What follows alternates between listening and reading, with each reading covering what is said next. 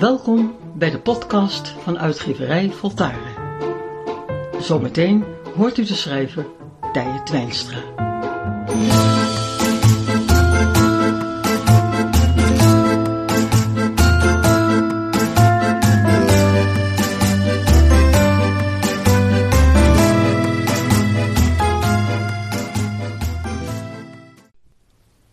Zelfmedelijden is een van de meest destructieve krachten die er zijn.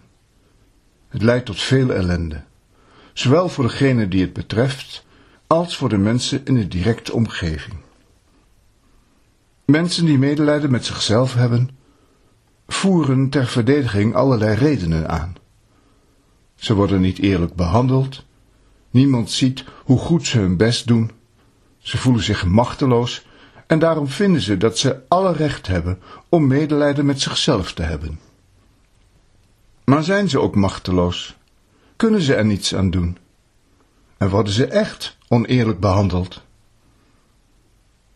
Zelfmedelijden lost op, zodra we inzien dat alles wat we doen in de eerste en laatste plaats voor onszelf bedoeld is.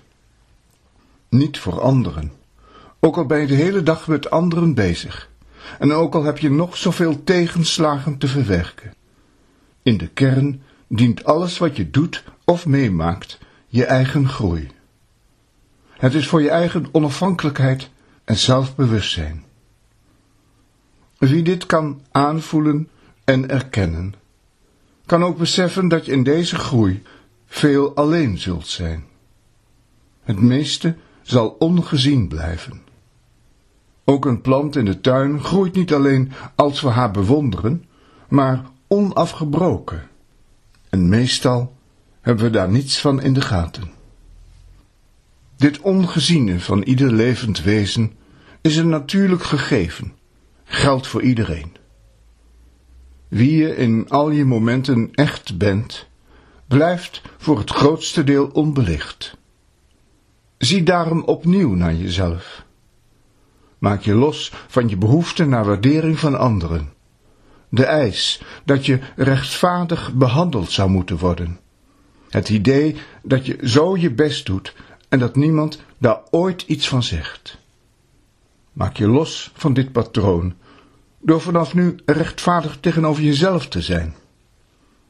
Bevrijd je van je hang naar bevestiging.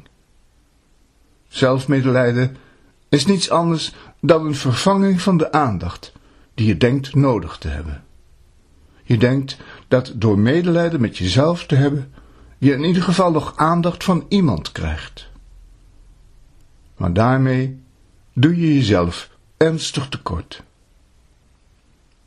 Zie jezelf in je volledigheid, ook als niemand je kent en niemand je ziet. Weet dat je de enige getuige bent van je eigen groei of van je eigen verzwakking. Maak daarom keer op keer een nieuwe keuze en laat deze steeds vaker een sterke zijn.